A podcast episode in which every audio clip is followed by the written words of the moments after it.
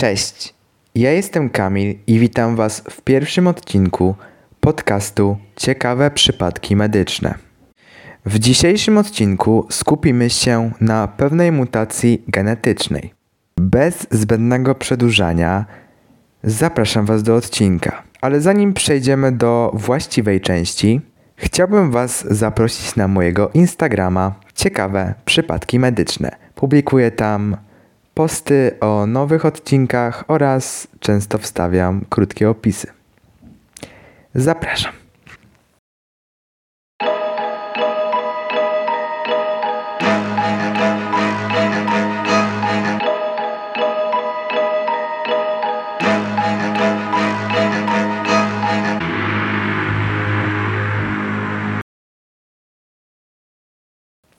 Wyobrażaliście sobie, jak to jest być słoniem?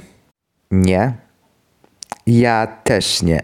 Ale niestety są przypadki osób na świecie, które musiały się o tym przekonać. Syndrom Proteusza, bo to o nim dzisiaj mowa, to choroba człowieka słonia. Człowieko słoń.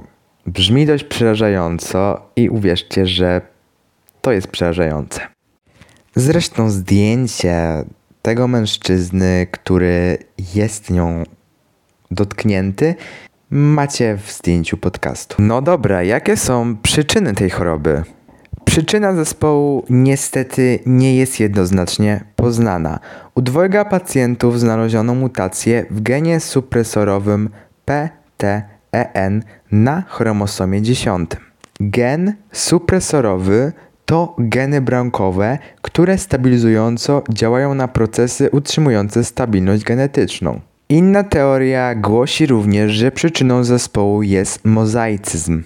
Mozaicyzm to obecność dwóch linii komórkowych o różnym genotypie u jednego człowieka. W 2011 roku opublikowano badania naukowe mówiące o tym, że za chorobę odpowiada mutacja punktowa w genie AKT1. No dobra, dość tych medycznych pojęć, przejdźmy do prostszego obrazu sprawy. Jak objawia się ta choroba? Choroba objawia się przerostem skóry, tkanki podskórnej, naczyń, kości i mięśni. Zaburzenie wzrostu tkanek jest asymetryczne. Dzieci rodzą się pozornie zdrowe, a zmiany nasilają się z wiekiem.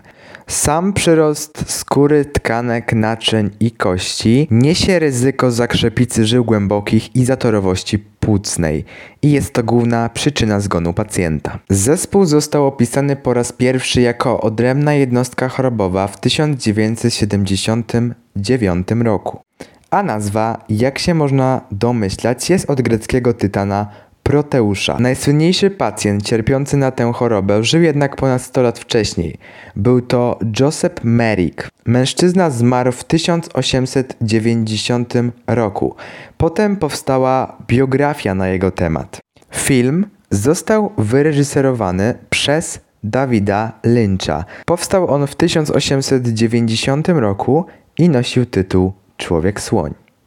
Przypadek Merricka opisał Sir Frederick Travis w 1885 roku. Drugi historyczny przypadek dotyczy Eugene Berego. Sam mężczyzna był pokazywany jako atrakcja na wystawie światowej w Antwerpii w 1894 roku.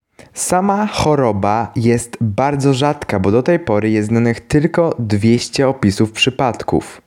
Uważa się jednak, że wiele rozpoznań jest błędnych. Objawy zespołu Proteusza nie są widoczne ani podczas badania USG, ani po urodzeniu dziecka. Samą chorobę dzieli się na trzy kryteria: kryterium A, kryterium B i kryterium C, opracowanych w 1998 roku. Kryterium A to obecność pogrubienia tkanek skórnych i podskórnych. Kryterium B to liniowy przerost naskórka i kryterium C to występowanie malformacji naczyniowej. Leczenie zespołu Proteusza ma charakter objawowy. Jego celem nie jest ograniczenie choroby, a poprawa komfortu życia osób chorych. Pacjenci borykający się z zaburzeniem wymagają specjalistycznej opieki obejmującej wsparcie specjalistów z dziedziny dermatologii, pulmonologii, genetyki czy chirurgii. Leczenie przyczynowe nie jest możliwe, a choroba jest nieuleczalna. Ten odcinek był wyjątkowo krótki, następne na pewno będą dłuższe, ale dziękuję za wysłuchanie podcastu i życzę wszystkim miłego dnia.